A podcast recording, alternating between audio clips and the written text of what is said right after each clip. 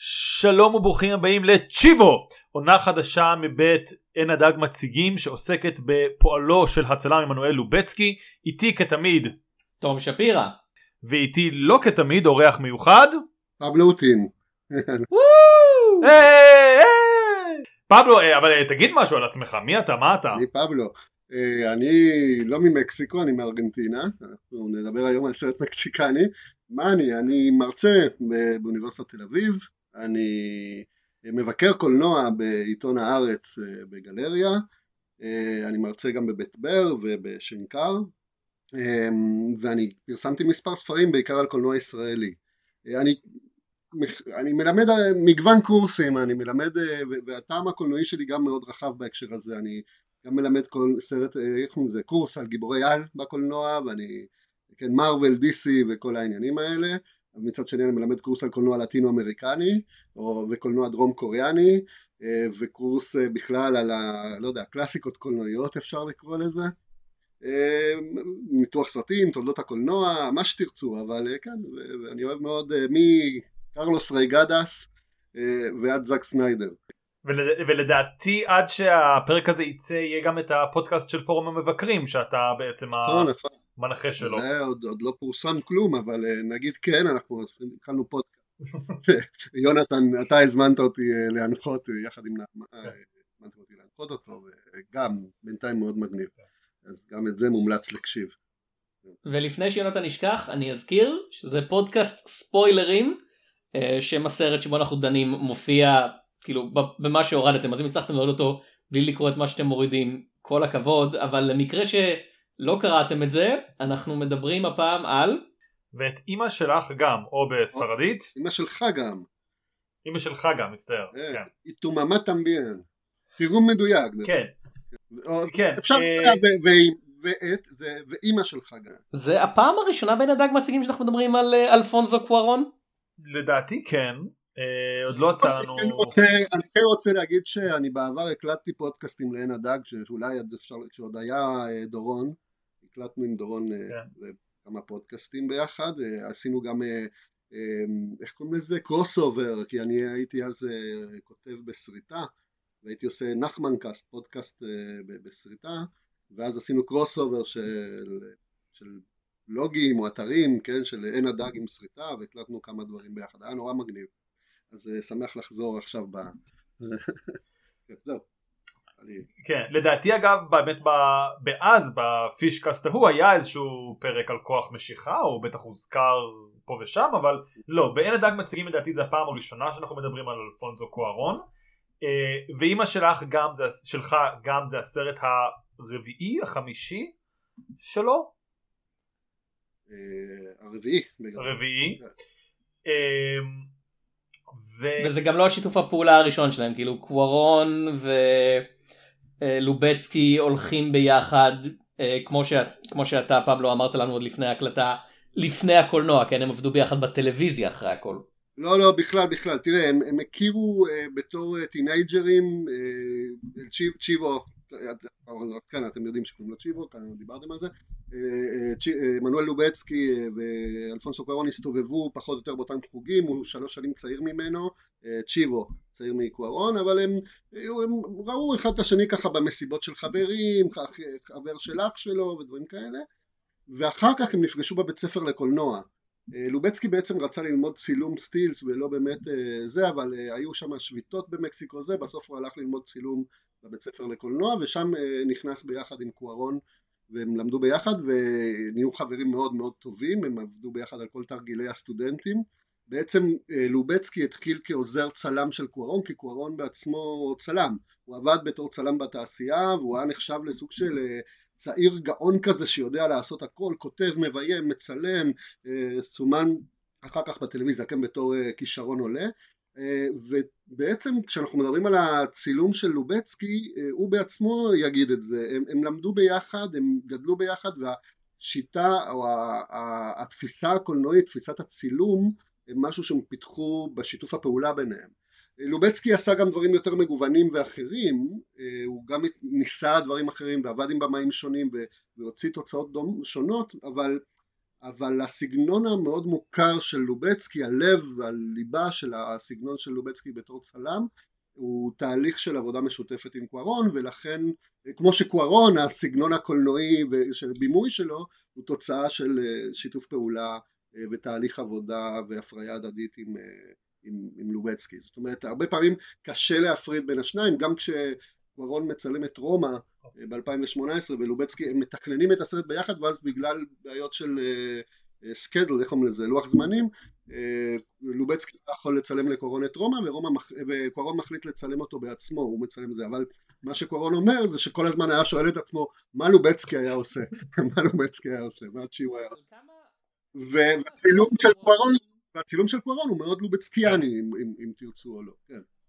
כמה מהסרטים של קורון הם בלי לובצקי בתור צלם כאילו? יש את רומא ו... זהו כאילו? הארי פוטר. Mm-hmm. מי צילם את הארי פוטר? לא בדקתי, מי צילם את הארי פוטר? מייקל סרסין. סרסין? סרסין, משהו כזה. אני מניח, אבל כן, אבל אה, זהו, לא, הם... איך שהם יכולים גם לעבוד בנפרד, אבל יש איזושהי שפה משותפת שפיתחו. אז נורא יפה, אה, קודם כל כאילו גם התהליך שהם עברו הם ביחד הוא נורא מעניין, כי אה, קודם כל ואת אמא שלך גם זה הסרט שהם הולכים לחקור את השפה הקולנועית שלהם בפעם הראשונה, באמת לגלות אה, מי הם. אה, וזאת אומרת למרות שהם עבדו ביחד הרבה שנים הם עשו אה, באמת את הסרט הראשון הפיצ'ר הראשון שהם עושים ביחד סולו קונטופרחה רק עם בת הזוג שלך עוד מעט אני אדבר עליו גם אבל הם, הם לא כאילו גיבשו סגנון אישי אפשר הם, הם כאילו היו ב, בלימודי קולנוע למרות שהם כבר עשו ארבעה שלושה סרטים הם, הם ניסו כל הזמן לחכות איך דברים, איך אחרים עושים סרטים והיה משהו שהוא לא התפתח לגמרי לכיוונים של גם בתור צלם וגם בתור במאי לא התפתחו לגמרי לכיוונים שהם באמת אה, הסגנון האישי המסוים של שפיתחו ביחד. ובית אימא שלך גם זה, זה הדרך שבו אולי אני קופץ כזה כאילו כרונולוגית עשיתי כל מיני קפיצות. אז, אז, אה, אבל זה החזרה שלהם למקסיקו כדי לקבל אחרי שהם עבדו בהוליווד איזה כמה שנים ביחד זה עם סרטים שהם היו פחות מוצלחים או יותר, לא משנה, אמ, אבל, אבל הם הרגישו לא אישיים כל כך והם חזרו למקסיקו לעשות סרט אה, גם על הנעורים שלהם בהשראת אה, חוויות שלהם בתור בני נוער. אז אה, בית אמא שלך גם זה סרט מסע של שני צעירים שרוצים סקס ונוסעים לאיזשהו חוף במקסיקו. גם בהשראת כאילו החוויות שלהם בתור צעירים. אה, אבל במובן הזה הוא אישי, אבל גם יותר חשוב הוא אישי קולנועית, כי, כי זה הדרך שלהם לחפש את ה... אה, איזה שפה קולנועית הם רוצים לפתח, איך הם רוצים כן, לעשות קולנוע. כן, אני אגיד שבפרקים אה, הקודמים באמת דיברנו על, לא על קוארון, אבל כן על הפרויקטים של לובצקי בהוליווד באותן תקופות, על מציאות נושכת ועל כלוב הציפורים, ואתה יודע, אני ותום דיברנו על כמה נקודות, כן, אוקיי, כן אפשר לראות שהוא כן חשב פה שיש חשיבה, אבל כשאתה חושב על לובצקי, כלומר, אתה יודע, השוט הראשון שקופץ לך לשון, אתה יודע, מחולל AI ללובצקי, באמת הפעם הראשונה שאנחנו ממש מרגישים את זה, זה בבית אימא שלך גם, אה, בין אם זה התאורה הטבעית, שהסרט הזה לכאורה הוא אמר שהוא 90% תאורה טבעית, בין אם זה השוטים היותר ארוכים שהם גם מדי פעם מפתיעים, כלומר זה לא רק שזה איזשהו שוט סטטי ארוך, אלא יש נגיד את השוט אה, שהיא עוזבת את הדירה בתחילת הסרט. אה, כאילו היא קוראת לנערים הם באים לאסוף אותה והיא עוזבת את הדירה.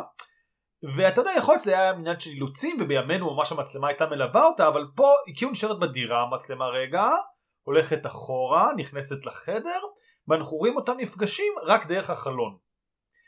אה, וזה לא בחירה קודם כל ברורה מאליה כלומר אתה יודע כל במאי אחר כמובן היה עושה קאט קופץ לחלון או משהו כזה אבל גם כבחירת לונג שוט זה גם מוזר. כלומר למה אתה לא מלווה אותה? למה הכל מרחוק יש וזה כבר באמת יותר קשור לא רק כאילו הצילום מאוד קשור לסרט והכל מתקשר אבל זה גם מתקשר מאוד מאוד לסרט שהוא גם על הדבר הקרוב הזה כמו שאתה אומר צמד נערים בחיפוש מתמיד אחר מין ומה שלא יהיה וזה גם תופס איזו תמונה רחבה יותר של מה זה מקסיקו וכל הפערי מעמדות וכל ההיסטוריה ואיך שאתה יודע כאילו אמריקן פאי או אתה יודע סרטי קומדיות אמריקאים של אותה תקופה כן קומדיות סקס קומדיות סקס, סקס כן, חלק מהם מאוד חמודים או מרגשים או יפים אבל הדרך העקיצות הקטנות לאורך כל הדרך של פערי המעמדות וה... כל הדברים האלה זה משהו שלכאורה, אתה יודע, צופה אתה יודע שאתה אומר לו בוא בוא יש לי קומדיית מין ממקסיקו זה משהו מטורף, הוא שואל את עצמו כאילו מה זה, מה זה הדבר הזה, מה, מה זה קשור עכשיו שיש שביתות ומה זה קשור שהוא מדליק אצלו סיגריה ומרים אצלו עם הרגל, כאילו מה זה הקריין המעצבן הזה שכל פעם אה, עוצר את הסרט בשביל לספר לי מידע שהוא לא חשוב לשום דבר, לכאורה. אז, אז בוא נעשה משהו, אה, לפני שאני, כי, כי מינית כמה מהדברים שאני רוצה לדבר עליהם בהקשר של בית אמא שלך גם, אבל כן הייתי שמח לתת איזשהו הקשר, כמו שהתחלתי לתת כזה של אה, קצת ההיסטוריה של קורונה וזה, ואז נגיע ממש נקודה נקודה למה שאמרת, כי, כי, כי זה בהחלט ה, הסגנון של הסרט הוא, הוא מה שמביא לו את העומק שלו, מה שמבחין אותו בין קומדיית סקסית בגרות אה, אחרת כלשהי אחרת. אה, ונותן לו גם את הרובד הפוליטי. אז קודם כל כן אה, לבוא ולהגיד שכן, אז הם הכירו בתור טינג'רים, התחילו לעבוד ב... אה, זה, זה נורא מעניין לשמוע את זה כי הם התחילו לעבוד בתור סטודנטים ביחד, צ'יבו היה עוזר הצלם של קוארון, אבל קוארון תמיד אומר מהר מאוד גילינו מי באמת הצלם שם, הוא לא היה באמת עוזר צלם אלא באמת יותר שלט בכל הדברים, יותר טיפל בהכל והם עשו סרט ביחד עם עוד קרלוס מרקוביץ', שני יהודים וקוארון כי לואצקי בעצמו יהודי גם, אה, הם עשו סרט אה, דובר אנגלית. באותה תקופה במקסיקו, אה, בטח בלימודי קולנוע, מה זה, אתה לא עושה סרט דובר אנגלית, אבל קוארון מאוד רצה להצליח כבר מההתחלה, הוא רצה להצליח בשוק הבינלאומי, זה משהו שמאוד עניין אותו, הוא רצה גם לעשות ז'אנר, אז מבחינתו מה שהיה חשוב זה ז'אנר ו, אה, ומשהו שיצליח ברמה הבינלאומית, ואז הוא כבר בשלב הסטודנטים אמר אני אעשה סרט סטודנטים קצר באנגלית ואני אוכל אה, להציג אותו ככרטיס כניסה בהוליווד, ואז אה, בטוח אני אתקבל בהוליווד תוך שנייה, ואז אה, אחרי שסיימו את הסרט אה, גם הפרופסורים לא כל כך אהבו שעשה סרט באנגלית מה אנחנו מקסיקו מה אתם מתחילים לעשות סרטים אה, מתחנפים לאמריקאים? וגם הבהירו לו שהזכויות של הסרט הם של הבית ספר ולא שלו. קוארון מאוד כעס, אני אף פעם לא הצלחתי לראות את הסרט הזה, אני מבין שהוא יצא איכשהו ב-DVD במקסיקו כי הבית ספר הוציא אותו עם אוסף של סרטי בוגרים, אבל לא הצלחתי לשים יד על העותק של סרט שנקרא Vengeance is mine, זה נקרא גם באנגלית, אה, נקמה האיש שלי, אה, ו... והוא פרש, הוא פרש מהלימודים, יש הרבה מיתוסים כזה שגירשו אותו מהלימודים כי הוא עשה סרט באנגלית, וכאילו, אה, אבל הוא, הוא פרש, ואז אה, הוא ולובצקי נפגשים בחזרה בטלוויזיה והם עושים סדרת טלוויזיה הם, הם לא חלק מאוסף של במאים שעושים סדרת, סדרת טלוויזיה של סוג של ה Twilight Zone המקסיקני. זאת אומרת סרטי סיפורי אה, סרטים קצרים כאילו פרקים כל פרק עומד בפני עצמו שמספר איזשהו סרט אימה סיפור אימה מתח אה, משהו מוזר משונה וזה באמת היה אה, באותה תקופה במקסיקו שכמעט ולא היה קולנוע, לא היה כסף לעשות סרטים והמעט סרטים שנעשו לרוב, לרוב, לרוב לא היו סרטי ז'אנר, היה יותר כזה לכיוון של הקולנוע האמנותי אה, וכזה, אז אנשים כמו גיירמו דל טורו וקוארון שרצו מאוד לעשות ז'אנר מצאו את עצמם עובדים שם, עובדים ומביימים פרקים, אה, זה נקרא השעה המסומנת, לאורה מרקדה אה, זו הסדרת טלוויזיה מהאייטיז מאוד מאוד אה, חשובה אה, בהיסטוריה של הקולנוע המקסיקני כי משם גדלו קוארון ולובצקי ואפילו לואיס, השם שלו עכשיו, ובגיירמו דל טורו. ושם מה שאתה רואה שזה בעצם זה הבית ספר לקולנוע שלהם האמיתי. הדברים, התוצאות הן על הפנים, נכון אתה ראית אני ניסיתי לראות, אה, ראיתי פרק אחד בשלמותו ופרק אחר בחציו, אה, אפשר למצוא חלקם ביוטיוב פשוט, ראיתי את אבסס רגרסן, Sometimes they come back. ואם זה נשמע לכם מוכר זה כי זה מבוסס על סיפור של סטיבן קינג שהפך לסדרת סרטים אחרי זה מהסרטים האלה שהולכים ישר לטלוויזיה וזה נראה מאוד כזה כאילו תקציב טלוויזיה של ניקלודיאון בשנות התשעים כזה. לא, זה גם קצת מוזר למשהו שהוא כזה מאוד אפל לכאורה. אה. אני כן ממליץ להסתכל לפחות על הפרק נוי אה, רטורנו או סין רטורנו אה, אין החזרה אין, אי אפשר להחזיר את זה שזה פרק כזה שעוסק שקורון ביים וצילם לובצקי וזה אימה נוארית כזאת שמנסים שם באפס תקציב לחכות אה, צילום של סרטי אימה ופילם נוער עם צלליות ורחובות כאלה אפלים וזה שזה מספר סיפור שמחליפים זהויות באופן קסום, לא יודע, יש נער שמאוהב בבחורה ורוצה לא זוכרים להציע לה נשואים או להיות איתה או זה ופתאום מחליף גוף עם רוצח סדרתי ואז הרוצח הסדרתי נמצא בגוף של הנער החמוד שהולך לרצוח את הבחורה והבחור החמוד נמצא בגוף של הרוצח הסדרתי שצריך להגיע בזמן להציל את החברה שלו. כן, זה הסיפור, אבל, אבל הצילום הוא נורא שם מעניין, אבל מה שקורה זה שאחר כך זה מתפתח והם עושים גם את, הם, הם, הם, הם כאילו לומדים, לומדים מה שקוארון מספר זה שבסרטים האלה בטלוויזיה ואחר כך גם בסרט הראשון שהם עושים ביחד שזה קומדיית איידס, עוד מעט אני אסביר מה זה, הם, הם מסתכלים על הסרטים שנעשים מסביב והם רוצים לעשות סרטים כמו בהוליווד או כמו שבמאים אחרים עושים אבל קולנוע מאוד קלאסי. הם בעצם מנסים לחקות שוטים שראו בסרט אימה מגניב או בסרט מתח מגניב או מסתכלים על, על סקורסזה באותה תקופה שעשה את האייטיז של סקורסזה, כן, אפילו בסיפורי ניו יורק בסיפור שלו, ומנסים לעשות, להגיד וואי איך הם עושים ואיך המצלמה בעצם יכולה לעמוד ולספר סיפור בצורה מאוד קלאסית בסופו של דבר. סולו קונטופרחה זה הפיצ'ר הראשון שלהם, זה הוא קוארון לא מצליח לקדם סרטים בקרן המקסיקנית ואז הם אומרים לו תקשיב יש את התסריט הזה שאנחנו רוצים שמישהו יעשה אותו נראה לי אח שלו כתב או משהו כזה ואז אומרים טוב יאללה קח את זה ותביים את זה והוא לוקח את לובצקי ועושים את מה שנקרא רק עם בת הזוג שלך סולו קונטופרחה שזה קומדיית סקס לא קומדיית סקס קומדיית איידס. זה על גבר פרסומאי מתהולל ש... חברה שלו שמקנאה בו כי הוא כל הזמן בוגד בה, הוא לא מתייחס אליה או לא יודע מה, אז אחת הבנות שהוא נמצא איתם, אז היא עובדת כאחות עוזרת בקליניקה של רופא, הוא עושה בדיקות דם והיא מחליפה לו את הבדיקות דם בבדיקות כאלה שמראות שיש לו איידס, כדי שהוא יחשוב שיש לו איידס ויעשה חשבון נפש. וקשור זה קיצוני אבל זה הכל פארסה כזה וזה מבויה וזה מצולם קצת מזכיר מאוד צבעוני כאילו זה סרט של אלמודובר כזה מבחינת הצילום mm. שילוב של אלמנטים נואריים עם אלמודובר משהו מאוד מוזר ומשונה הסרט חביב אני לא, לא אהבתי עליו אבל יש בו אלמנטים מגניבים אבל לא, לדעתי לא סרט טוב אבל עם הסרט הזה קוארון אומר יש לי עכשיו כרטיס ביקור והוא מנסה הוא גם מאוד אוהב קומדיה למרות שלא תמיד בולט בסרטים האחרונים שלו כן בולט באמא שלך גם כן בולט לא רק עם בת הזוג שלך והוא, ועם הסרט הזה הוא נוסע לארצות הברית ומנסה לקבל עבודות שם.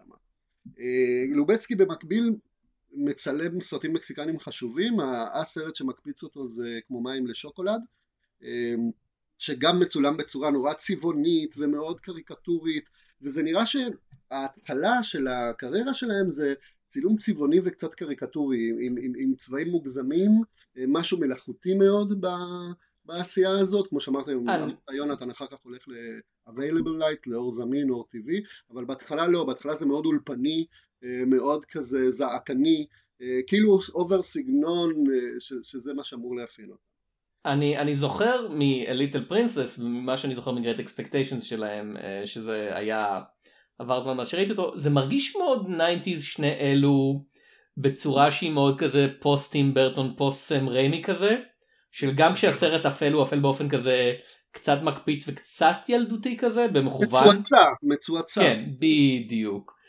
ולא, ועוד פעם ולעומת זאת דברים כמו כלוב הציפורים ו... Reality Bites שמכוונים להיות מין כאלה קומדיות 90's ואתה יודע מצולמות קצת כמו סיטקום בחלקים ואתה כזה וואו זה מרגיש כל כך לא מתאים לו כאילו נכון ואז אתה יושב לראות את אי תומם התמיין במקרה שלי ואתה אומר וואו זה, זה אשכרה כאילו שנת 2001 שנות ה-90 נגמרו וזה מרגיש כאילו יש פה איזה קלין ברייק ענקי ופתאום זה כזה הנה הנה הלובצקי שאני מכיר.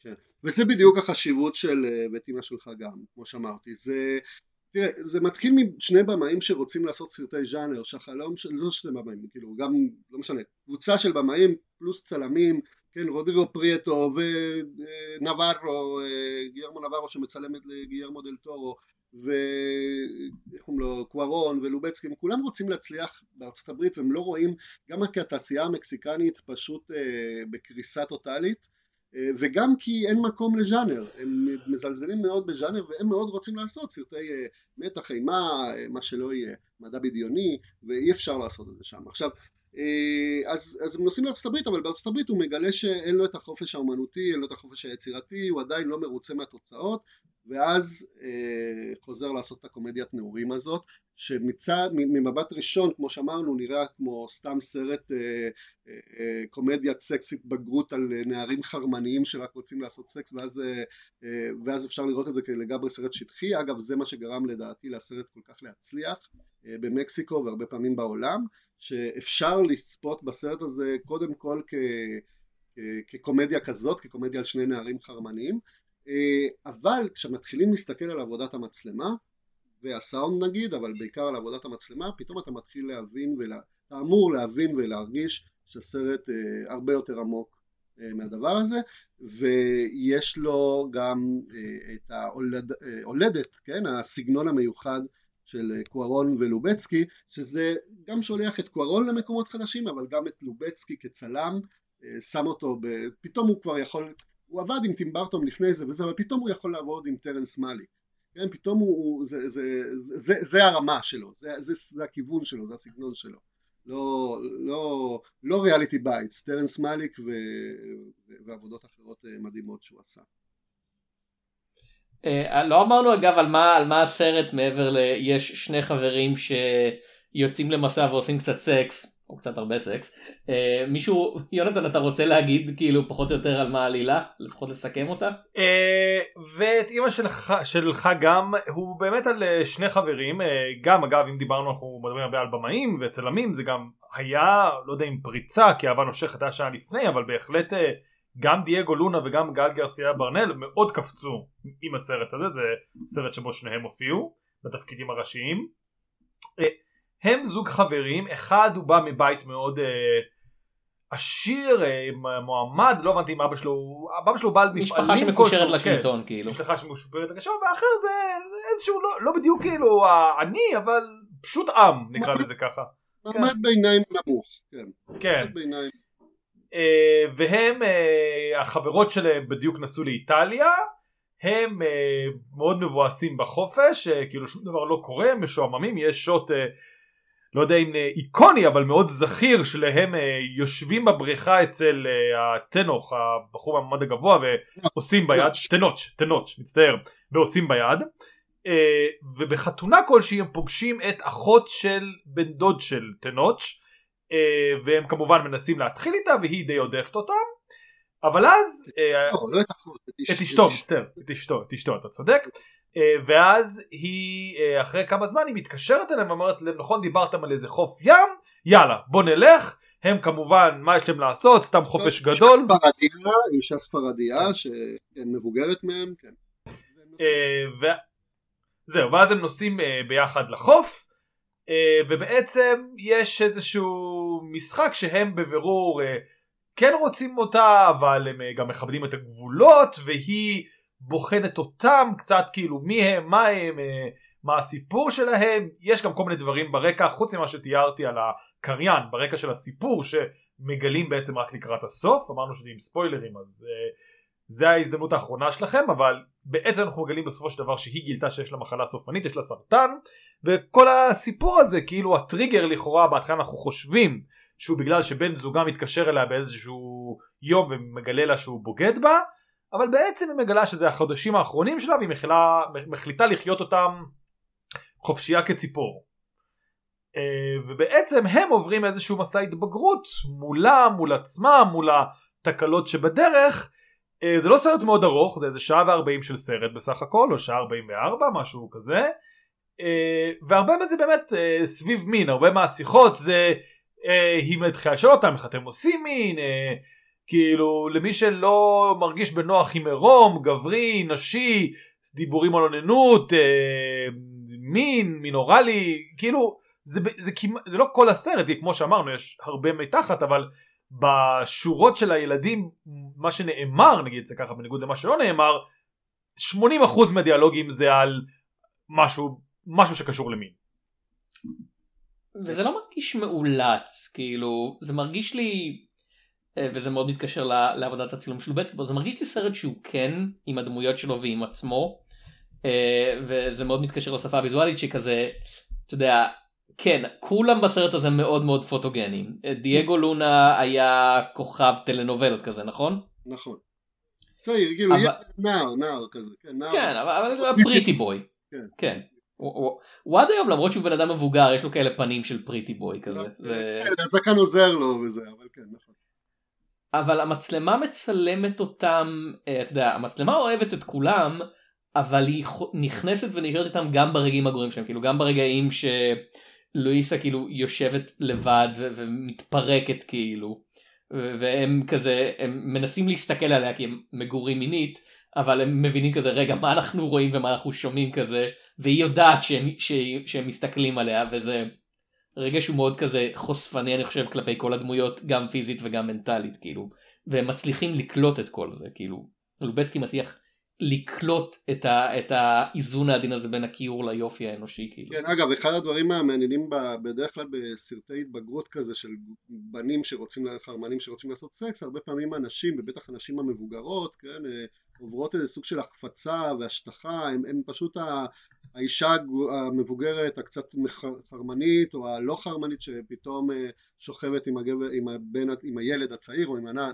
ילד, עם הנער הצעיר ופה הדמות שמריבל מריבל- ורדו, כן, הספרדיה המגלמת היא, היא מאוד יפה, היא, היא מלאה, אתה, אתה גם כאילו בהתחלה זה נראה שזה הולך לכיוון הזה וככל שאנחנו מגלים יותר ויותר רבדים עליה, יותר על המורכבות של החיים שלה, אנחנו מבינים אה, איך היא הובילה את כל הסרט, איך היא הייתה שם בעצם, איך היא שיחקה איתם ואיך היא השתמשה בהם ואהבה אותם ורצתה קצת את החיים אה, שהיה להם, את התמימות ואת החיים שהיה להם לתת. זאת אומרת, היא הייתה במקום של מוות, במקום של עצב, והיא לקחה את הנעורים החרמנים, שזה גבריות בעייתית מאוד במונחים של היום וגם במונחים של אז, אה, גם, גם הם מאוד מטומטמים, מאוד תמימים, במובן הטוב ובמובן הרע, אה, אבל יש בהם את הכוח חיים הזה שהיא קצת שואבת מהם, שהיא קצת מצליחה אה, דרכם להרגיש את עצמה מחדש.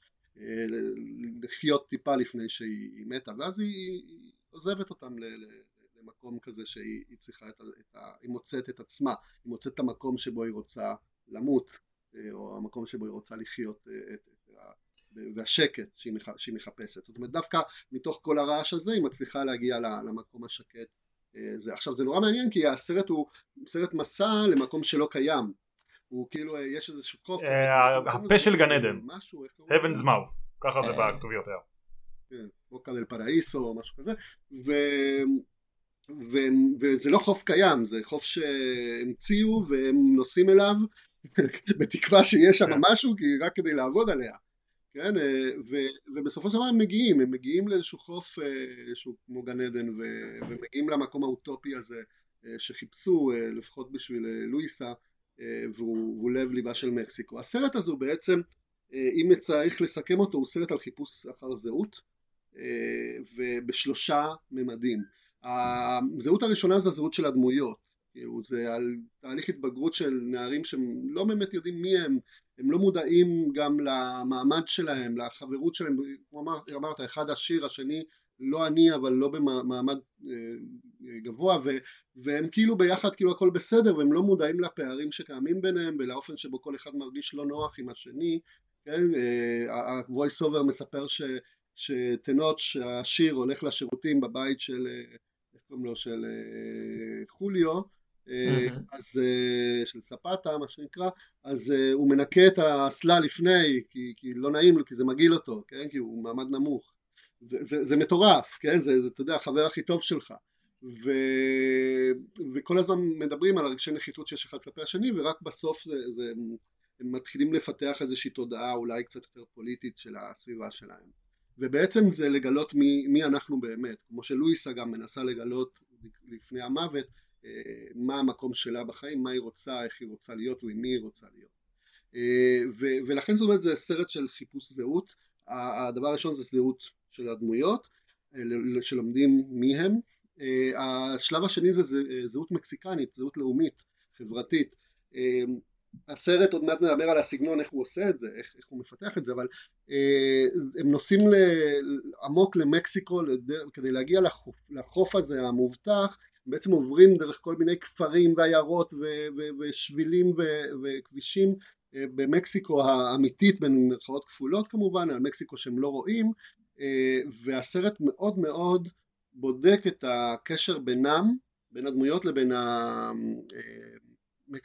האנשים האמיתיים. הם כולם אמיתיים, כן, אבל הסביבה המקסיקנית הפוליטית חברתית כלכלית של התקופה, ואנחנו מדברים על סרט שנעשה בתקופה מאוד מאוד חריפה בהיסטוריה של מקסיקו, אה, שבו אחרי 70 שנה אה, ממשלת השלטון מפסידה בבחירות, זאת אומרת אה, אחרי המהפכה, מלחמת האזרחים המקסיקנית כדי להביא איזה סוג של איזון לחברה אז יש, נוצרת איזו מפלגה שלכאורה שמאלית מהשמאל אבל לא, לא לגמרי וזה, והיא כל הזמן מנצחת בבחירות וזה לא ברור אם יש שם דמוקרטיה או דיקטטורה בסופו של דבר במקסיקו כי זה לא באמת דיקטטורה כי זה דמוקרטיה אבל רק מפלגת השלטון כל הזמן באמת אה, מצליחה אה, שהיא ממשלת שמאל אבל היא גם מעבירה המון המון חוקים ימניים פוליטיים כלכליים קפיטליסטיים אז, אז הם קצת כזה איבדו כבר את הכיוון והדור הצעיר המקסיקני באותה שנה בשנת 2000 שנה לפני שהסרט נעשה מצביע נגד מפלגת השלטון ומתחיל איזושהי תפיסה שמאוד מבלבלת שמצד אחד עולה מפלגת ימין ומצד שני אה, אה,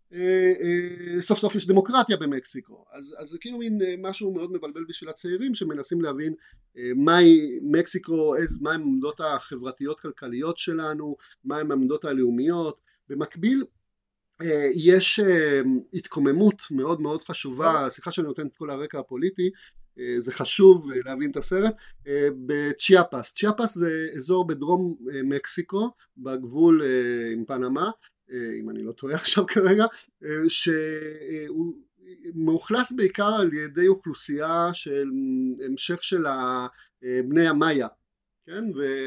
והם ב-94 הם עשו מהפכה שם עם נשק נגד הצבא המקסיקני, נגד מקסיקו והצהירו על עצמאות. הם רצו להיפרד ממקסיקו כי מקסיקו מפלה את הילידים מפלה את בני הילידים, מפלה, זאת אומרת, היא מאוד, הגזענות כאילו, זאת אומרת, היא מאוד ברורה, בני האירופאים, הלבנים, אה, יש להם את כל השליטה וההון והכל, והבני הילידים האלה שהם אה, שחומים יותר גם, ושהם יותר, הם בעצם סובלים מהמון אפליה, הם המשרתים, הם בעבודות הכי פחות טובות, החינוך, הבתי ספר, האזורים שהם בו חיים אה, פחות טוב, ואז יש סוג של מהפכה סוציאליסטית כזאת עצמאית עם נשק, כאילו בהשראת, כן, המהפכות הקומוניסטיות של גווארה וכו', יש את אה, סוב קומנדנטה מרקוס, אה, הוא המנהיג של המהפכה הזאת, ובעצם הרבה מהצעירים מזדהים עם המהפכה הזאת והיא נכנסת לתוך הסרט הזה.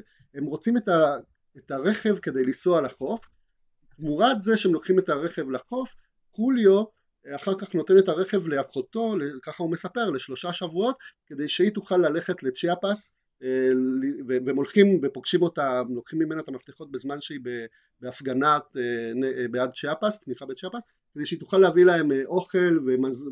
ותרופות וכל מיני מוצרים, כאילו המון תמיכה, הייתה מאוד תמיכה של השמאל במהפכה של צ'יאפס, שמה שהם ניסו לעשות זה גם לשמר על סוג של עצמאות, היום הם כבר במקום אחר, הם, הם סוג של חצי עצמאית, אה, אבל הם פיתחו שם חינוך משל עצמם, במערכת בריאות משל עצמם, והם ניסו להיות כמו מדינה עצמאית בתוך מקסיקו, ושתיתן יותר שוויון כמובן והזדמנויות לבני הילדים.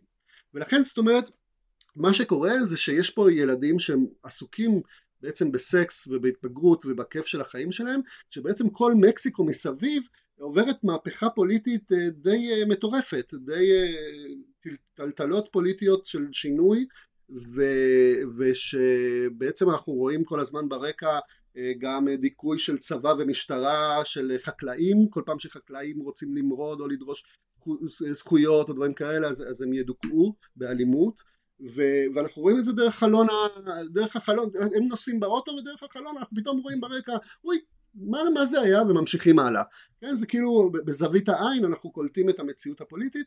אה, עוד אלמנט למשל שבולט זה אה, ממש בתחילת הסרט אה, יש את העוזרת האישית, זה, זה המקור לרומא דרך אגב, יש את העוזרת בבית של תנוץ', איך קוראים לה, המנקה שחיה איתם במנקה ומבשלת ועושה הכל, ויש טלפון מצלצל ואנחנו לא רואים את תנוץ', תנוץ' נמצא למעלה בקומה למעלה ואנחנו עוקבים עם המצלמה אחרי העוזרת שבאה, הננה שלו, כן, שבאה עולה בכל המדרגות עם המגש עם הסנדוויץ' כזה כדי להביא לו, עונה לטלפון שנמצא ליד תנוץ' כי הוא לא יעביר את היד, ימתח את היד כדי לקחת את הטלפון, מנקה את השפופרת כי היא ענתה לטלפון שלה מי זה? אה זה בשביל תנוץ' אז היא מנקה את השפופרת כדי שחס וחלילה הוא לא ידבר דרך השפופרת כאילו כי היא מלוכלכת, כן, כן בתפיסה כאילו היא לא יכולה לתת לאדון את הטלפון שהיא כרגע דיברה איתו לפני שהיא מנקה אותו ו, ו, וזה מדהים וזה עובר כאילו כדרך אגב ואז הסרט ממשיך. זאת אומרת המצלמה הרבה פעמים תרמוז לנו על ההקשר הפוליטי חברתי דרך כל מיני ניואנסים קטנים ואז הסיפור המיני ושל המסע ושל הכיף והחרמנות אגב יש לגבי המטפלת הזאת יש סצנה ממש קצרה ויפהפייה שהם כמו שאתה אומר הם הולכים והם עוברים בכל האזורים היותר אה, כפריים עניים ולפתע אה, תנוץ' רואה את השם של העיר שלה שמאיפה היא באה והוא, וכאילו ויש שם איזה דיאל, כאילו. מונולוג של הקריין פנימי שהוא אומר לפתע הוא מבין שזאת ה... שזה העיר שלה ושהוא אף פעם לא יודע עליה שום דבר והוא נזכר איך עד גיל ארבע הוא קרא לה אימא במקום לאימא שלו לקרוא אימא אבל הוא לא אמר אף דבר מזה לחברים שלו והנסיעה ממשיכה וזה רגע באמת בדיוק זה רע מופלא שגם זה הבסיס לרומא של קוארון שעושה שנים אחר כך במובן הזה שקוארון מפתח תודעה פוליטית מאוד, חברתית פוליטית מאוד גדולה דרך הקשר שלו עם, ה, עם הננה שלו, עם המטפלת שלו, שזה מאוד רגיל בדרום אמריקה, שיש כאילו מישהי שמגדלת, שחיה בתוך הבית והיא ענייה, היא מתייחסים אליה כ... משרתת לגמרי, יש אזורים בבית שאסור לה להיות, רק אם היא מנקה היא יכולה להיות, אבל יש קשר נורא אינטימי, נורא אינטימי איתה, היא כמו בת משפחה. והפער הזה בין מישהי שהיא כמו בת משפחה, אבל בו זמנית היא מופלית בצורה מאוד קיצונית, עכשיו זה עוד יותר קיצוני, כי מה זה השם תנוץ'? תנוץ' זה שם אסטקי. תנוץ' זה השם בשפה של בני הילידים שהעוזרת משתייכת ל... ל למסורת התרבותית. זאת אומרת, יש את השירים הלבנים שכדי להתחבר לתרבות המקסיקנית המקורית קוראים לילדים שלהם בשמות אצטקים, עם, עם מצלול אצטקי או מקורות אצטקים, אז, אז, אז, ומקבלים את התרבות האצטקית כתרבות מקסיקנית מקורית, אבל את בני האצטקים עצמם, את בני הילידים עצמם, משאירים בעוני ובתור משרתים. וה, והאבסורד הזה הביקורת הפוליטית המאוד חזקה שקיימת ככה בבתימה שלך גם זה, זה האופן שבו אנחנו יכולים להסתכל על זה. תראה שתי השמות של הגיבורים מאוד סימבוליים. תנות שהוא אחד המנהיגים הגדולים של הצטקים לפני שהגיעו איך קוראים לזה הספרדים לכבוש את, את אמריקה. ו, ו, ו ספטה, אוליו ספטה, בעצם המהפכה בצ'יאפס היא מהפכה ספטיסטית, זה ככה נקראת, מהפכה ספטיסטית. מי זה היה ספטה? אמיליאנו ספטה זה היה אחד המנהיגים של המרד החקלאים אה, בתקופת מלחמת אזרחים במקסיקו. זאת אומרת המרד של החקלאים שהם נגד אה, בעלי האדמות שמנצלים אותם והם רק עובדים באדמה ואין להם אף פעם כסף, אין להם אף פעם רכוש והם מבינים שאם הם עובדים את האדמה אז מגיע להם גם חלק באדמה בעצמם, הם צריכים למרוד בבעלי אדמות. אגב, גם לה יש. זפטיסטי. אגב, גם לה יש שם סימבולי, כי היא קורטז, אה? היא הספרדיה שמגיעה, שהמשפחה שלה הוא קורטז. כן, מצטער, קטעתי אותך, נכון. תמשיך. כן. נכון, נכון. ואז תשים לב הם הולכים יש את המחאה בצ'אפס באותו רגע הם מתעלמים ממנה לגמרי והולכים לחוף ואז יש לך את ספטה וטנוץ' המנהיגים שהובילו מרד ומחאה והביאו ואמורים לדאוג זה במקום זה הם נוסעים לעשות סקס עם קורטס כן זה, זה, זה, זה זה נמצא שם, מי שגדל בדרום אמריקה או במקסיקו רואה את ה... את ה... עכשיו זה בוטה, זה לא בוטה, זה לא, כי זה נעשה מאוד, בצורה מאוד חמודה. אבל, אבל, זה, אבל זה נמצא שם.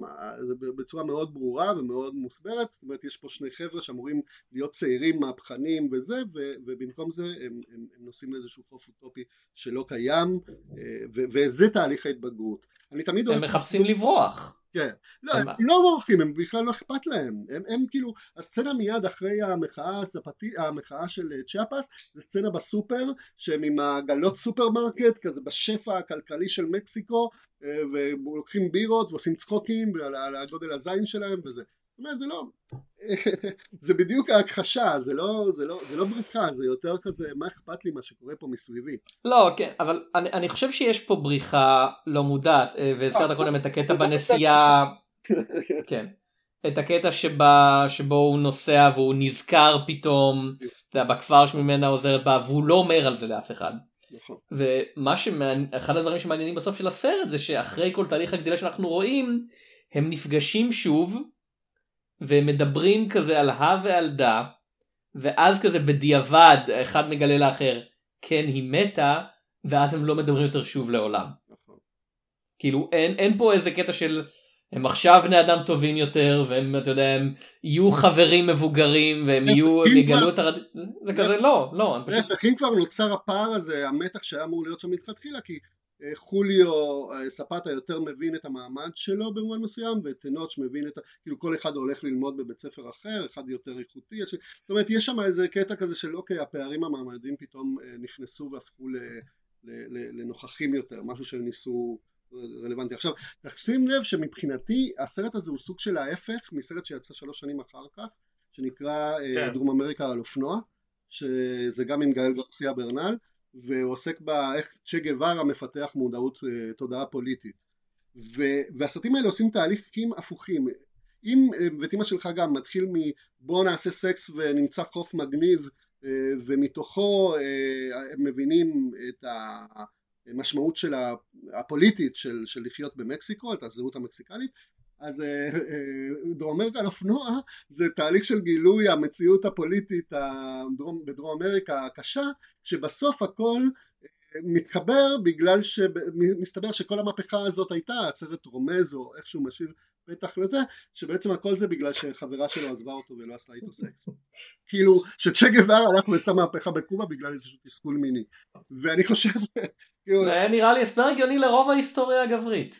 יכול להיות שהוא יותר אמין מזה, אבל, אבל הרגש שזה מהפוכים ושכאילו יש משהו הרבה יותר עמוק, שדרום אמריקה על אופנוע מאוד משטיח את הכל, והוא נראה עמוק אבל הוא בסוף משטיח, ו- וטימה שלך גם הוא סרט שנראה שטוח, אבל הוא בעצם מאוד מעמיק.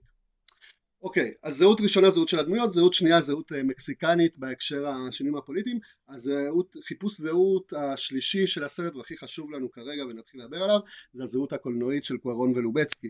הם רוצים לפתח שפה קולנועית, צילומית חדשה, שיותר תאפיין אותם, שהמקום שבו הם רוצים לעשות קולנוע, שזה לא יהיה רק שוטים יפים, אלא קוארון אומר שההבדל הוא שלפני זה הוא היה עסוק בלעשות שוטים יפים, או שוטים טובים, ו- ועם בית אמא שלך גם הוא התחיל לחשוב על איך לעשות קולנוע, איך לעשות קולנוע טוב, איך, איך, איך סרט אמור להיות כמו יחידה שלמה עם שפה מאוד ייחודית, זאת אומרת לא, לא כל סצנה וסצנה שתהיה חמודה וטובה, אלא שיהיה איזשהו היגיון קולנועי אה, רחב.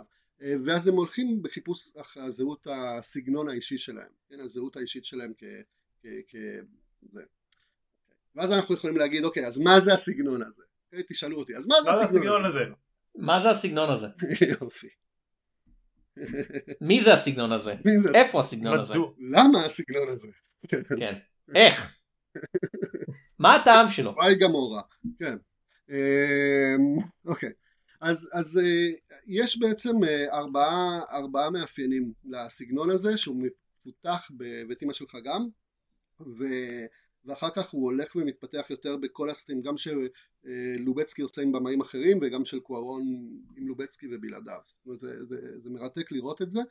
אה, הדבר הראשון שכבר יונתן הזכיר זה הקשר בין אה, חזית ורקע כן, הקשר בעצם זה בעצם הקשר בין האינדיבידואל לבין הסביבה שלו. הגיבור בהתנגשות מתמדת עם הנוף, עם הסביבה. אה, אחד השינויים הגדולים שקוארון מדבר עליו זה השינוי מעדשה רגילה או עדשה טלסקופית לעדשה רחבה.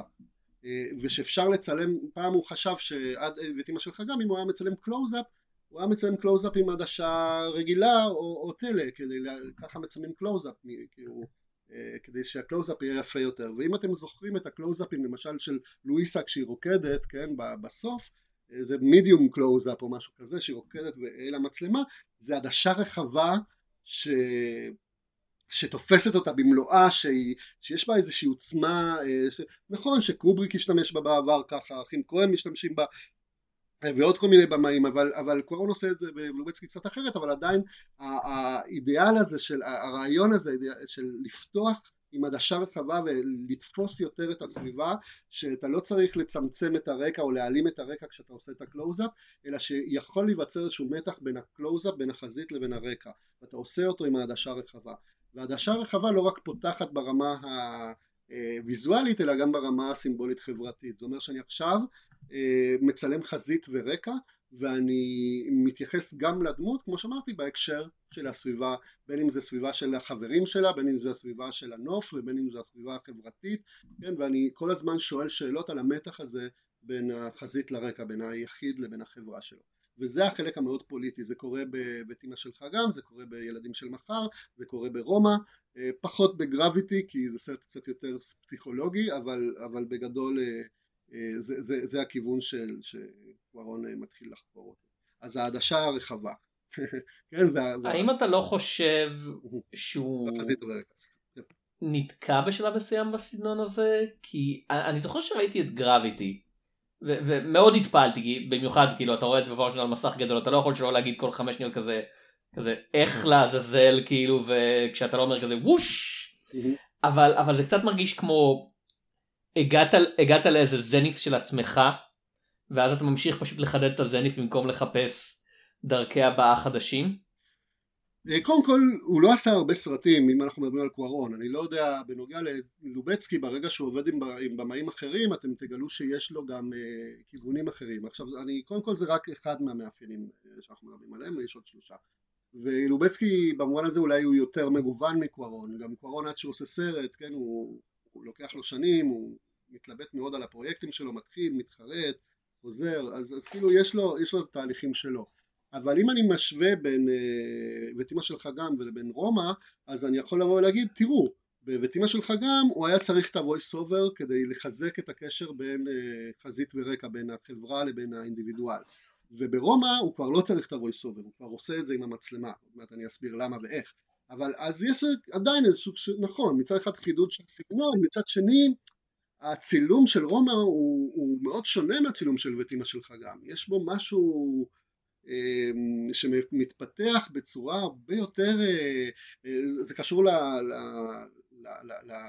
למאפיין הרביעי והמורכב יותר שעוד מעט אני אדבר עליו, זה קשור לאופן שבו המצלמה נעה, האופן שבו המצלמה מטופלת, אבל אה, ולמרות שכאילו זה אותו הסגנון הוא, הוא בעצם סגנון אחר, הוא, הוא התפתחות והעמקה והפשטה אפשר להגיד של להפוך אותו ליותר ויותר מופשט. אני חושב שכאילו הדרך של קוארון כרגע יכול להיות שעכשיו הוא ילך לכיוון אחר גם אבל ברומא הוא הגיע לאיזשהו שיא כזה של לבוא ולהגיע למקום מופשט יותר ויותר. זאת אומרת וטימה של חגם ילדים של מחר איך קוראים לזה? גרביטי ו, אה, ורומא זה כיוון של איך אני מניע את המצלמה אה, ולאט לאט אני משחרר אותה והופך אותה לנוכחות מופשטת יותר.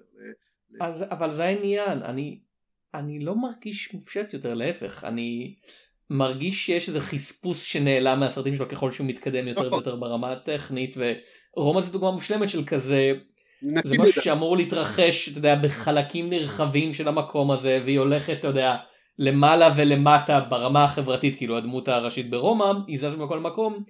וזה מרגיש לי בשלב מסוים שזה נתקע במין כזה הילוך של ניוטרל של הכל מרגיש אותו דבר לא משנה איפה הסרט מתרחש כאילו ו- ומשהו כמו uh, ואימא שלך גם זה כן מרגיש בגלל שזה סרט על נעורים שהיוצרים שלו גם הבמאי וגם הצלם כבר לא היו בני נוער אבל הם עדיין היו מקושרים לזה מרגיש שיש בו את החספוס הנעורי הזה כן. שאולי כן הוא לא הוא לא אסתטית נאה כמו מה שהוא נהיה כן אין לו את החדות הסופית הזאתי אבל הוא הרבה יותר מושך לעין, אני חושב, הוא הרבה יותר מעניין לצפייה.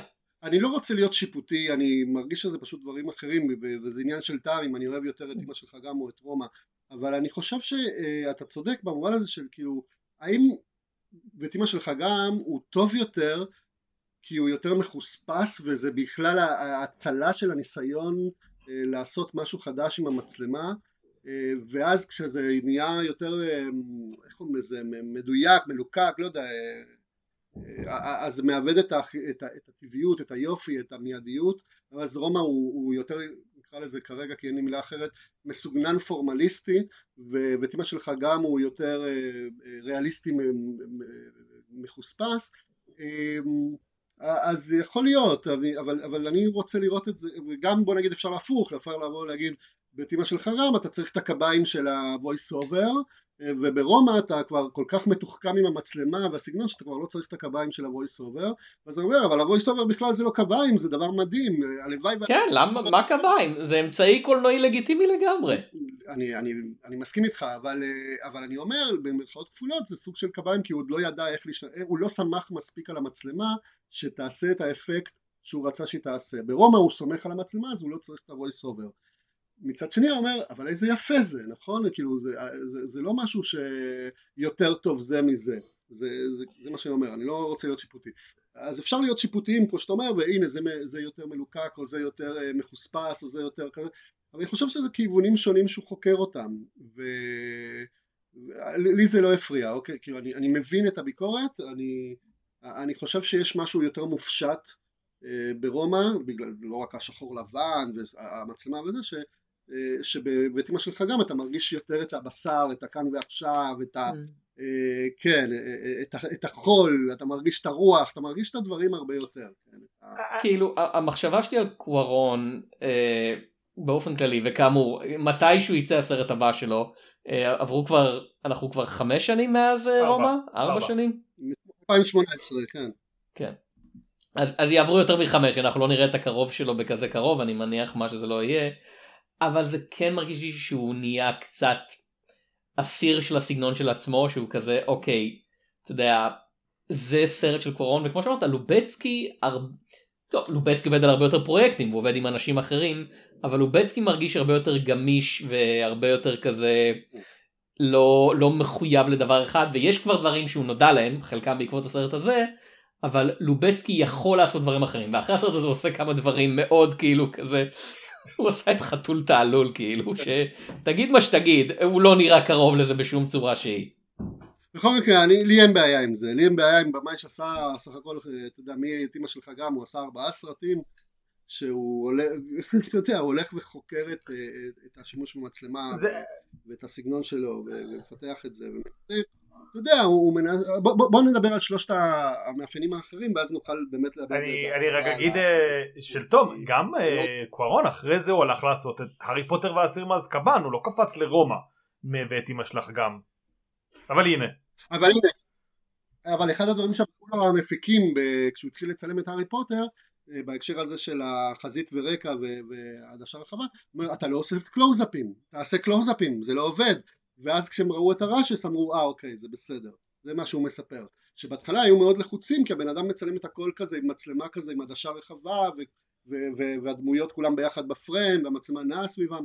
ו- כי, כי זה הסגנון שהוא התחיל לפתח. הוא אמר זה ככה, ככה אני מרגיש שאני חווה יותר את הדמויות לעומת קריס קולומבוס שעשה את הסרטים הקודמים שלו אה, הוא, הוא הכי קלאסי הוא כזה אוקיי כשהרמיוני מדברת קלוז אפ הרמיוני cut הארי פוטר עונה לה אה, מצלמה עדשה אה, אתה כן. יודע רגילה כדי שאני לא הולך לשחק עם זה ופתאום מגיע קוארון ויש איזה תנופה וחופש בסרט השלישי שלא היה קודם עכשיו שוב אתה, אתה, אתה יכול להגיד אה הוא חוזר על עצמו וזה זה אבל אני חושב שלא אני חושב שזה בן אדם שאשכרה אה, מפתח אה, את הסגנון שלו וחוקר אותו ואם נדבר על שלושת הנושאים האחרים נראה איך לובצקי וקורון מתחברים לדברים האלה.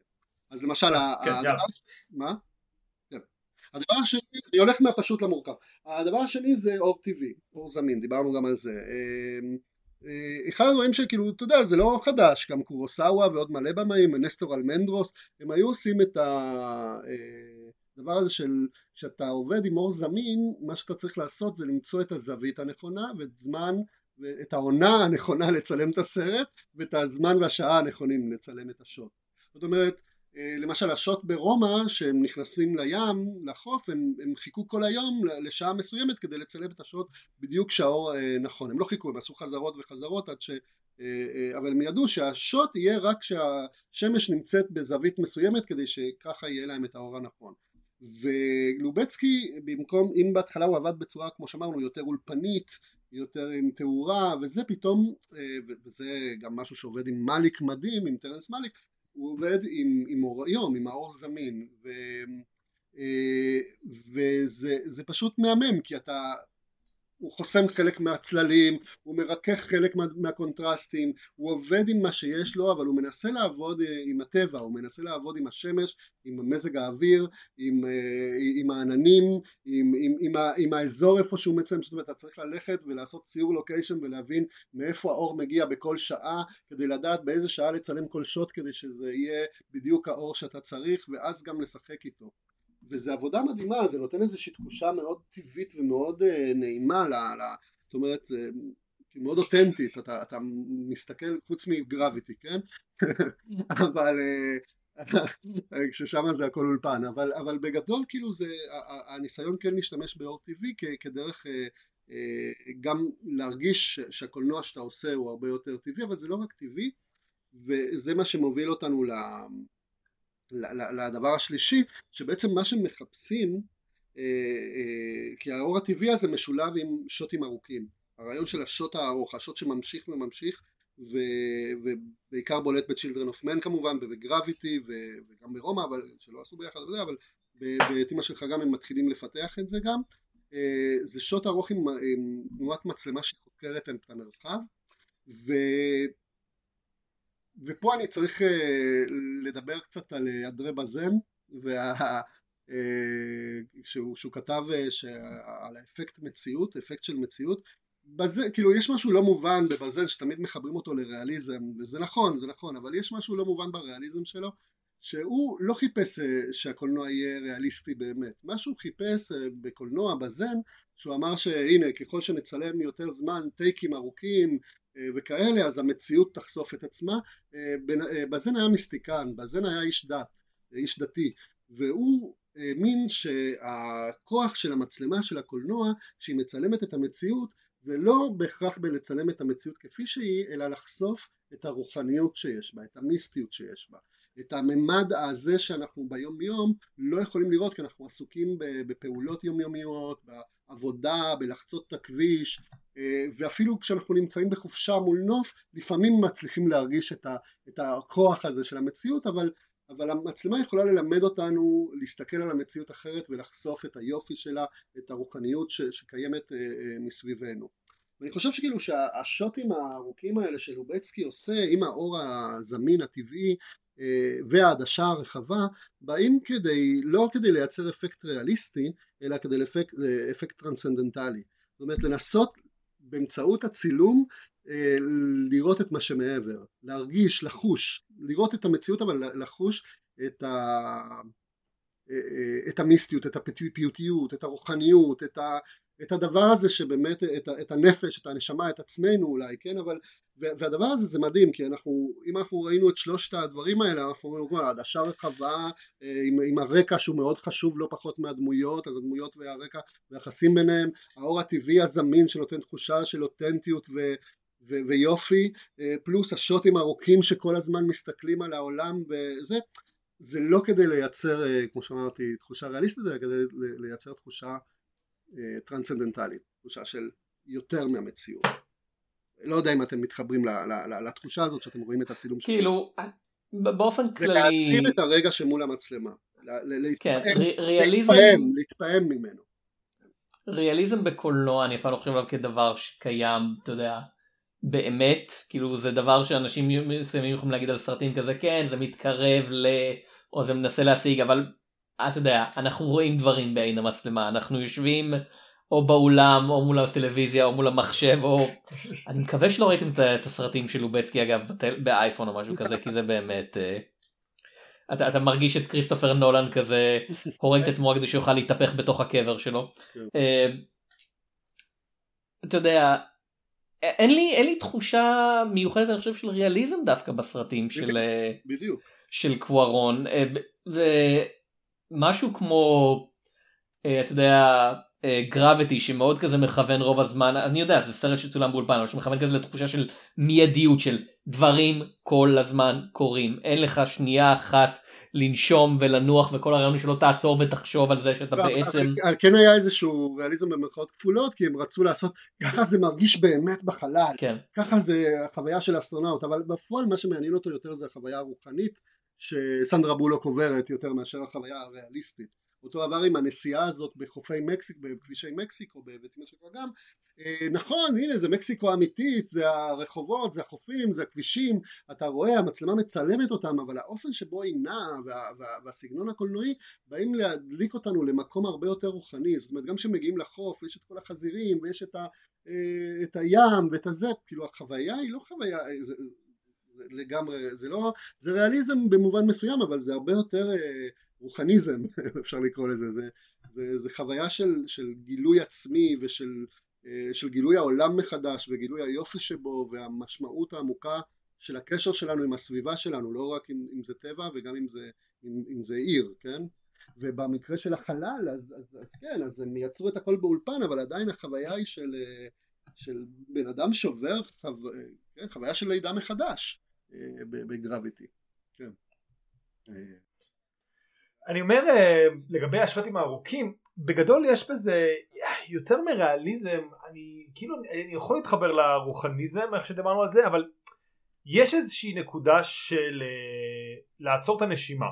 וחלק, וחלק מהפעמים אתה יודע זה נעשה בלי אפילו שאתה מרגיש uh, וחלק מהפעמים זה באמת לא ונגיד אם נקפוץ uh, לסרט של במאי מקסיקני שלא הזכרנו עד עכשיו בצורה מפתיעה למרות הכל של יריטו בברדמן זה באמת מרגיש כמו כאילו נשימה עצורה אחת איזשהו אה, סהרוריות איזשהו משהו שכאילו אם הייתה אתה כמעט מרגיש שאם היינו נותנים באיזשהו שלב בברדמן אפשרות לקאט אולי האירועים בו היו נמנעים. כלומר אם אין לנו את הרגע לחשוב את הרגע רגע לצאת מה אה, אתה יודע מהזרם תודעה הזה כלומר שהוא השוט האחד אה, ובאמת אה, זה כלי אתה יודע שאני בצד אחד הוא כיפי מצד שני אני מרגיש שגם בגלל קצת קורון ולובצקי איכשהו בעשור האחרון ויכול להיות שגם לפני ופשוט לא הייתי מספיק ער לזה הערך שלו התנפח מעבר כאילו הפסיקו לראות את החסרונות שלו oh.